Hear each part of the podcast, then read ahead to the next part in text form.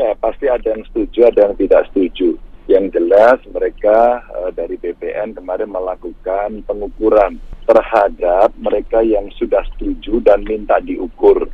Namun demikian kami paham karena ada warga yang memang belum setuju untuk dilakukan pengukuran bahkan tidak setuju uh, tanahnya nanti atau areanya nanti dipakai untuk penambangan batu andesit. Dan saya sudah sampaikan uh, kalau mau diukur yang diukur yang sudah setuju saja, hmm. yang tidak setuju nggak apa-apa. Maka di antara yang pro dan kontra masing-masing saling menghormati. Kalau itu dilakukan, maka sebenarnya tidak perlu terjadi kejadian seperti itu. Gitu. Uh, sangat mungkin karena sejak kejadian ini muncul banyak orang warga dari luar masuk ke sana.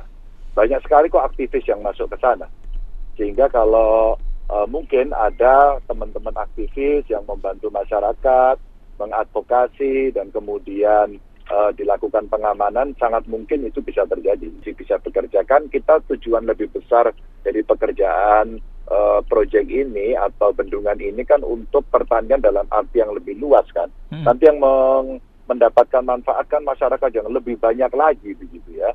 Dan ini sudah menjadi mimpi bayangin sejak 2013 dan saat itu uh, kami mencoba bersaing dengan uh, provinsi lain untuk bisa mendapatkan pekerjaan ini atau proyek ini sehingga Purworejo bisa mendapatkan uh, bendungan ini. Termasuk nanti tidak hanya mengairi Purworejo loh itu itu sampai ke Wonosobo begitu.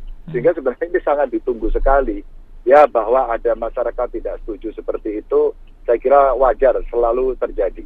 Dan kalau saya boleh compare ya Mas ya, ya. di Wonogiri bisa selesai, di Karanganyar mana dua, kemarin Pak Presiden juga ke mana Blora juga selesai gitu ya, Kudus juga selesai begitu. Jadi banyak kabupaten yang uh, sudah selesai ini malahan dan masyarakat mulai menyiapkan diri untuk memanfaatkan ini begitu. Hmm. Sebenarnya kalau kita membuka ruang dialog uh, lebih banyak lagi, uh, barangkali bisa dicapai titik temu begitu. Hmm.